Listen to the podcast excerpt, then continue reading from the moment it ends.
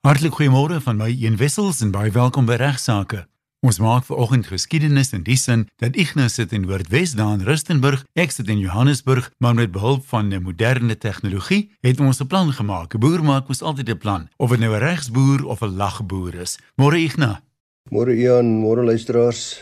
Ek doen hierdie program al sedert 1993, is omtrent wat nou so 28 jaar Ian en altyd nog vanaf Johannesburg, 'n paar keer daar vanaf die Kaapse ateljee, want nou vir die eerste keer as gevolg van die Grendeltyd doen ek die opname hier vanaf Rustenburg. Een ons het 'n skrywe gekry in hierdie Grendeltyd ek gewerk het vanaf die huis en die ding wat ek gevra was om te doen deur een my kliënte was om 'n testament vir hom op te stel. Sy probleem was wat hy telefonies aan my oorgedra het, hy het drie kinders.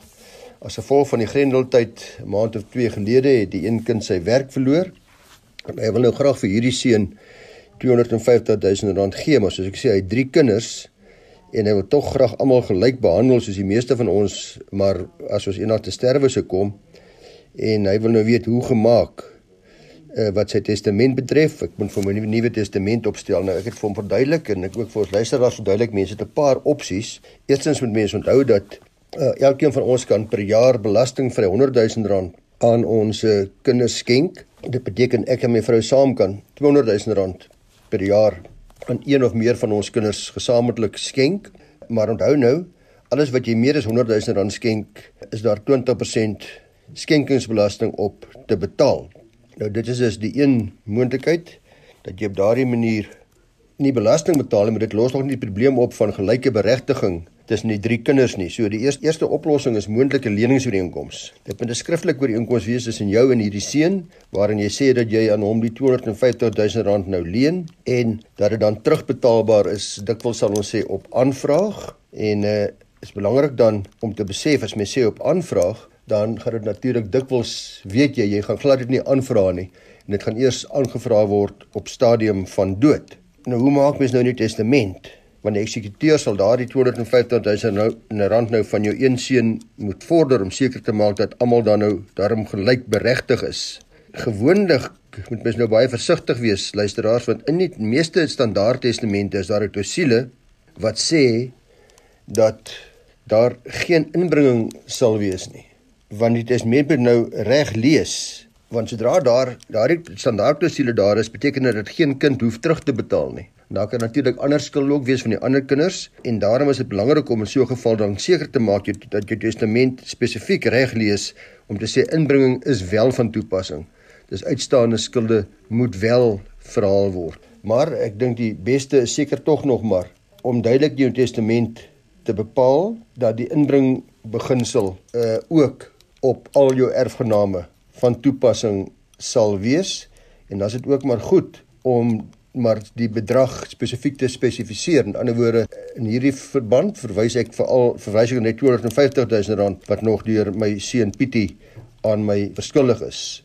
Luisteraars, dan het ek 'n briefie gekry van 'n anonieme luisteraar wat uh, soos almal maar ook sê baie dankie vir ons interessante besprekings en hy mis nie die program nie en hy sê graag verneem ek hoe dit testament bepaal kan word dat 'n erfgenaam se deel die erfdeel nie deel van sy of haar boedel mag word as dit insolvent sou wees nie. Nou ek het hierdie vraag al 'n paar geleenthede beantwoord in die verlede, veral toe ons die voorreg gehad het om Volker Kreer af van Velden Duffy, die boedelspesialis by ons te hê en hy het baie mooi verduidelik van die sogenaamde insolventieklausule. So ons beveel aan dat almal in hulle testamente insolventieklausule daar moet hê. Dit bepaal dat indien 'n erfgenaam insolvent sou wees op datum van my afsterwe, daar 'n insolventie trust tot stand sal kom en uh, die insolventie trust het dan nou trustees wat dan die erfgenaam se erfporsie sal bestuur totdat uh, hulle besluit om dit aan hom uit te betaal wat natuurlik eers sal wees na sy of haar rehabilitasie. Dis baie belangrik luisteraars, dis 'n goeie vraag want andersins as daar nie so 'n klousule is nie, dan sal daardie erfporsie direk in die insolvente boedel val en dit sal jou hart en swaar verdiende geld sal tussen skuldeisers verdeel word. So maak seker dat daar in u testament 'n insolventie klousule is en uh, as daar dalk nie so klousule is nie, is jy welkom om dit vir my te skryf by Igna by vvd.co.za Igna by vvd.co.za en ek sal vir u so insolventie voorbeeld van 'n insolventie klousule aanstuur sodat u dit in u testament kan inkorporeer. Luisteraars hier gedurende die Grendeltyd veral was daar gereelde berigte in die media dat gesinsgeweld geweldig toegeneem het. Ek wil graag vandag met u gesels oor die vereistes om so gesinsgeweld in te verkry. Dit is belangrik om te verstaan presies watter optrede gesinsgeweld daarstel en wil ek sommer van die staansberaad beklemtoon dat beide mans en vrouens natuurlik skuldig kan wees aan gesinsgeweld en beide mans en vrouens kan dus ook slagoffers wees van gesinsgeweld en kan dus 'n uh, gesinsgeweld interdik verkry teen die ander persoon. Hierdie gesinsgeweld word onder andere gesien as fisiese, seksuele, emosionele, verbale en ekonomiese mishandeling.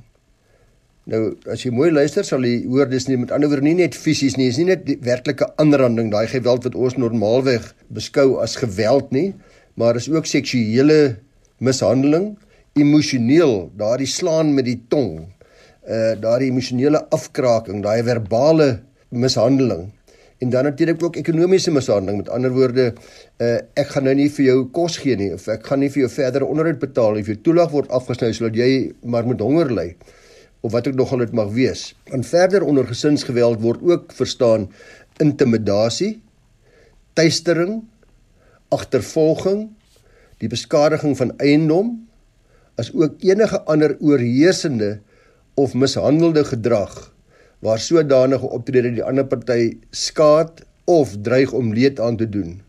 Dis ook deel van gesinsgeweld en dis dis ook in hierdie wet op gesinsgeweld gekriminaliseer. So baie wyd As ons hierso praat van byvoorbeeld tuistering, agtervolging, jy kry dikwels dat mense sal kom ek lens af vir jou sê my ex, Karel, uh, tuister my, ry elke aand 9 uur of 10 uur in die nag of wanneer ook nogal ry hy verby my huis heen en weer met sy kar of hy of hy parkeer sy kar by sy paadjie en staar na my venster. Dis alles byvoorbeeld ook deel van tuistering en jy sal 'n interdik kan kry om hom of haar te verbied om so op te tree.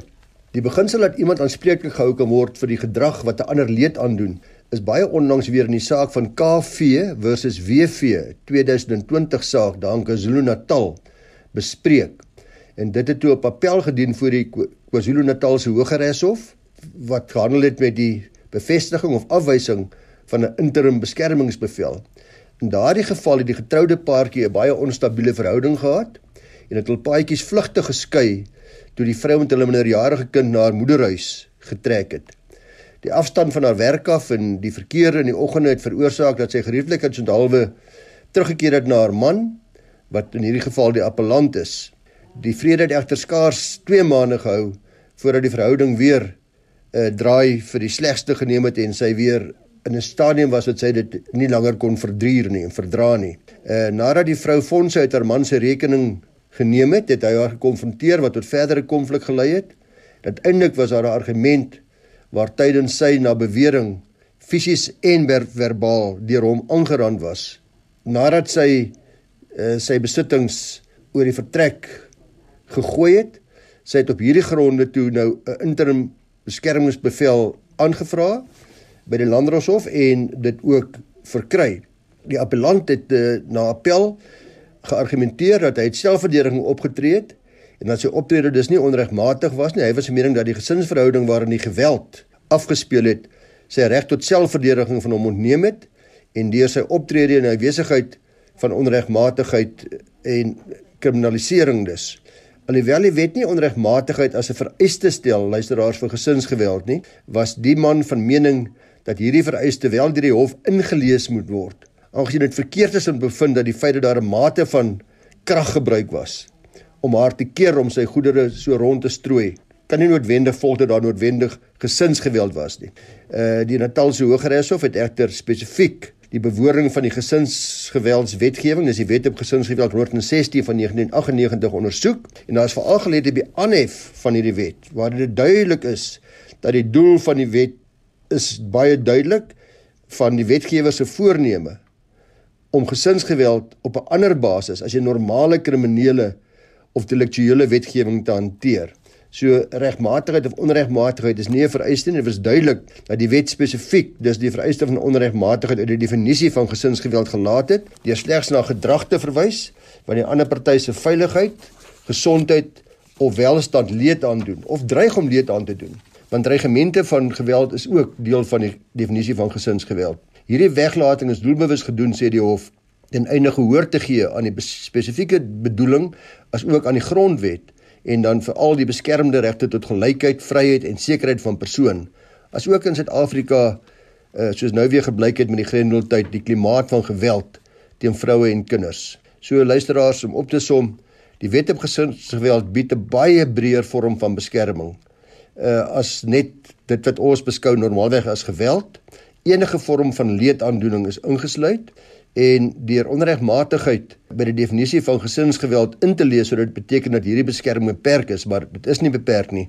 Dit is onbeperk. Dis 'n hierdie rede dat die hof die teenkant se appel van die hand gewys het om te verseker dat die gesinsgeweld interduk teen hom toegestaan word. So as jy 'n gesinsgeweld interduk lê, gaan jy bloot na u plaaslike landroskantoor toe en daar is 'n beampte daar wat u behulpsaam sal wees om seker te maak dat u so gesinsgeweld interduk kan verkry. Daar is dan 'n keerdatum waarop die ander party kan aantoon hoekom hierdie bevel nie finaal gemaak moet word nie, maar onthou, hierdie bevel is onmiddellik van werking vandat hy toegestaan is met 'n keerdatum waarop hy dan die bevel dan weer tersyde gestel kan word of natuurlik verleng kan word. Nou, jy moet besef dat die howe sal normaalweg daardie tussentydse bevel toestaan omdat as ek sê my vrou slaan my of my vrou mishandel my verbaal of wat ek nogal die gesinsgeweld mag wees, dan is daar geen probleem vir die hof om te sê meneer, maar jy mag dit in elk geval nie doen nie. Hou op daarmee. Ek gee 'n bevel dat jy moet ophou en as jy wil kan jy terugkom oor 2 weke of 3 weke en kom aandui hoekom jy dink daardie bevel nie finaal moet wees nie. Maar normaalweg buig die hof agteroor om hierdie gesinsgeweld interdikte toe te staan. Nou, wat is volgende op die agenda? Ek het 'n briefie gekry een van 'n luisteraar. Sy sê sy stuur vriendelike groete van 'n oud Rustenburger Corita te weet. Ek dink ek onthou haar baie goed. Baie groete ook aan haar. Sy sê sy is 'n weduwee, woonagtig op Struisbaai. Sy het daar 'n woonstel daar in Tuine Kaapstad ook uh, wat al wat verhuur word deur 'n verhuuringsagentskap. En die verhuuringsagentskap vra natuurlik 'n 10% kommissie op die maandelikse verhuuringsbedrag. Die woonstel is te weer aan nuwe huurders verhuur vanaf 1 Februarie en hulle het hulle 2 maande deposito betaal plus Februarie se huurgeld. Toe tot haar skok en ontsteltenis kom sy agter dat die agentskap vir haar baie minder oorbetaal het omdat hulle ook 10% agentekommissie geneem het op die totale bedrag wat inbetaal was, dit wil sê ook op die 2 maande se deposito. En sy vra dit kan tog nie reg wees nie. Nou uh, vrou De Wet of Rita is 100% korrek. Dit is totaal onregmatig. Daar kan geen kommissie geneem word op uh, deur agente op deposito's wat betaal word nie. Daardie deposito moet aan sekere baie streng vereistes voldoen. Dit word belê op 'n rentedraende rekening en sommige agente in hulle trustrekening as dit by agentskappe is, maar dit moet weer terugbetaal word net so uh, ten volle aan die uh, verhuurder, ekskuus aan die huurder by beëindiging van die huurtermyn met aftrekking van sekere skade en ander uitgawes wat u mag hê. Maar uh u is 100% reg.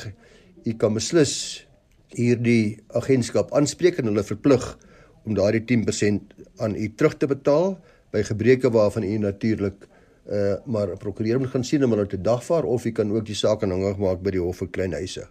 Groete. Ek het onlangs 'n baie onskuldige vraag, maar die antwoord is nogal tegnies van luisteraar ontvang uh en dit gegee vir Janus Olivier, die jong prokureur by ons om te antwoord. Uh die betrokke luisteraar besit 'n woonstel teen die kus wat hy aan aan vakansiegangers verhuur.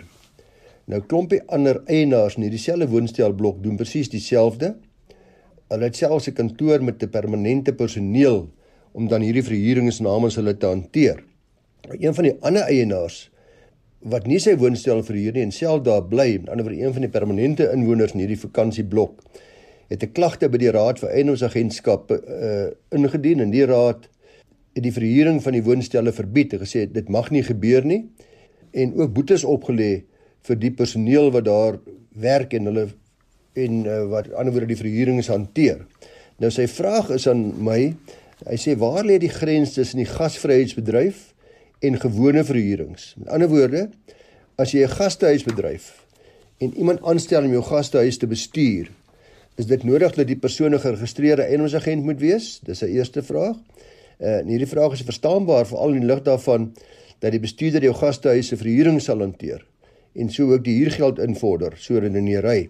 Die antwoord op hierdie vraag het 'n belangrike gevolge want artikel 26 van die Wet op Eiendomsagentskaps aangeleenthede, is Wet 112 van 1976, bepaal dat niemand 'n handeling as 'n eiendomsagent mag verrig tensy die persoon 'n geldige getrouheidsfonds sertifikaat het nie en iemand wat dan wel as 'n agent optree, as 'n eiendomsagent optree sonder so 'n sertifikaat, kan dan 'n boete van tot R5000 opgelê word.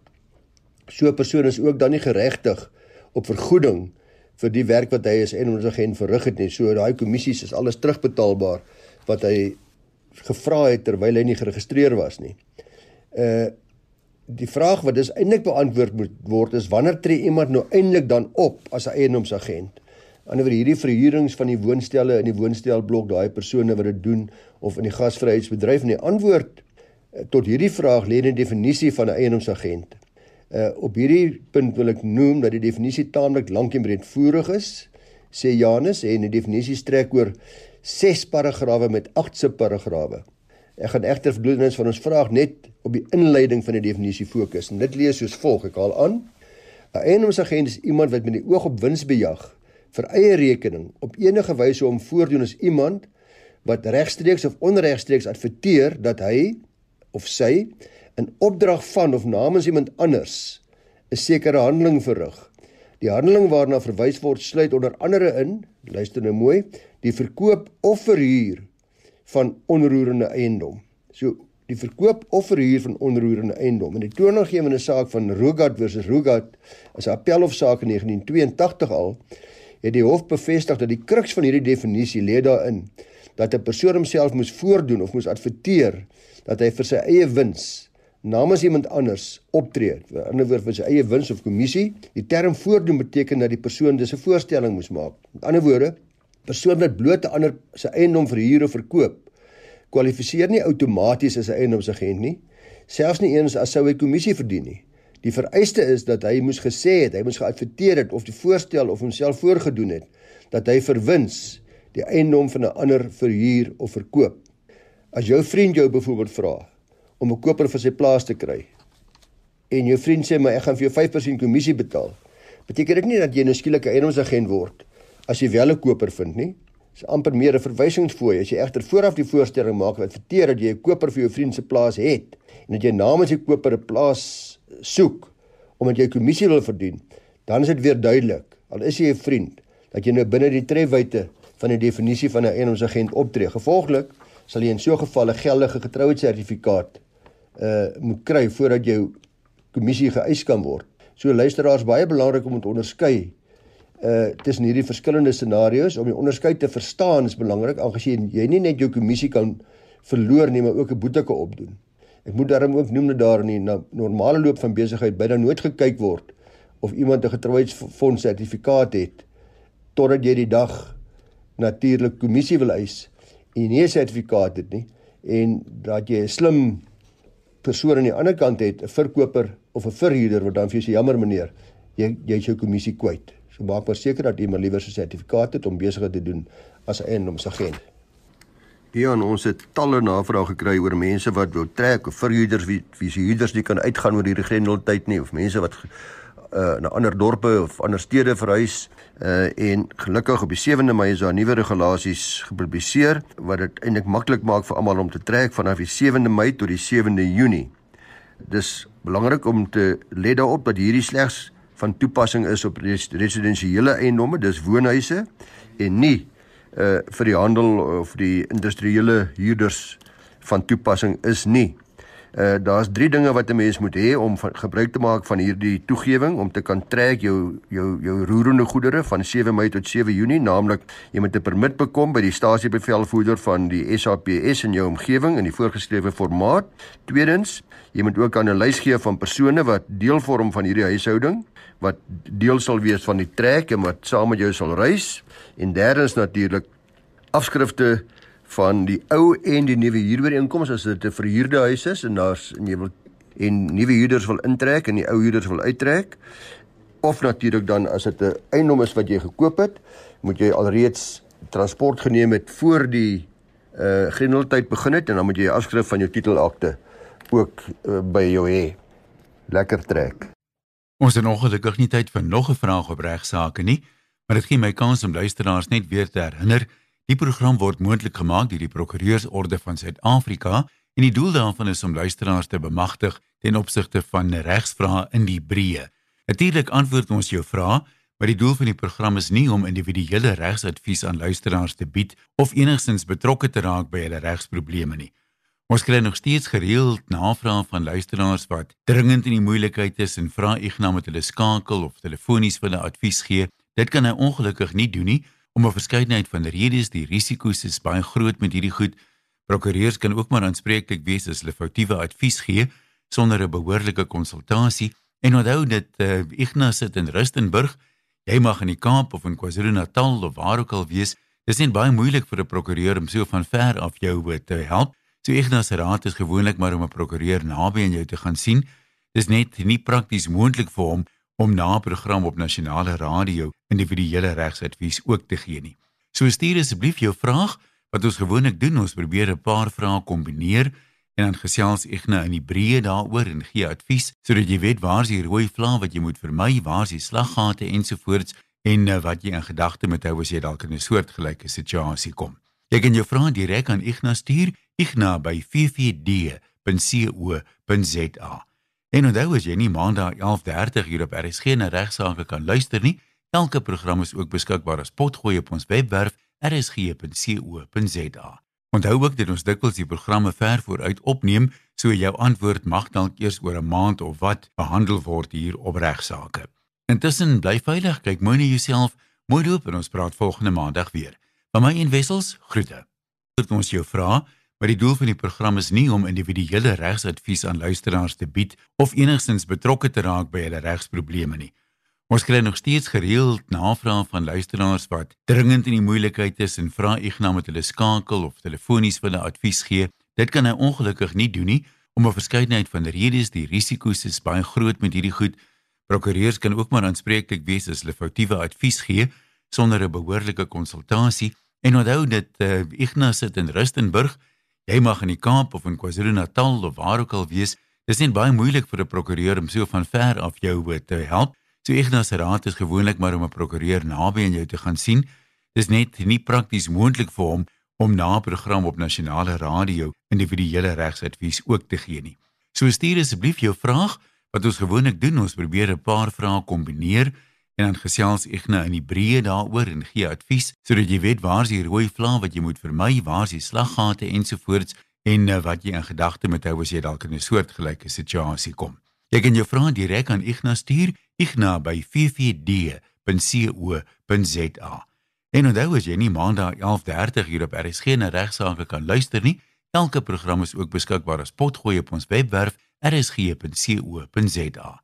Onthou ook dat ons dikwels die programme ver vooruit opneem, so jou antwoord mag dalk eers oor 'n maand of wat behandel word hier op regsaake. Intussen bly veilig, kyk mooi na jouself, mooi loop en ons praat volgende maandag weer. Van my en Wessels, groete.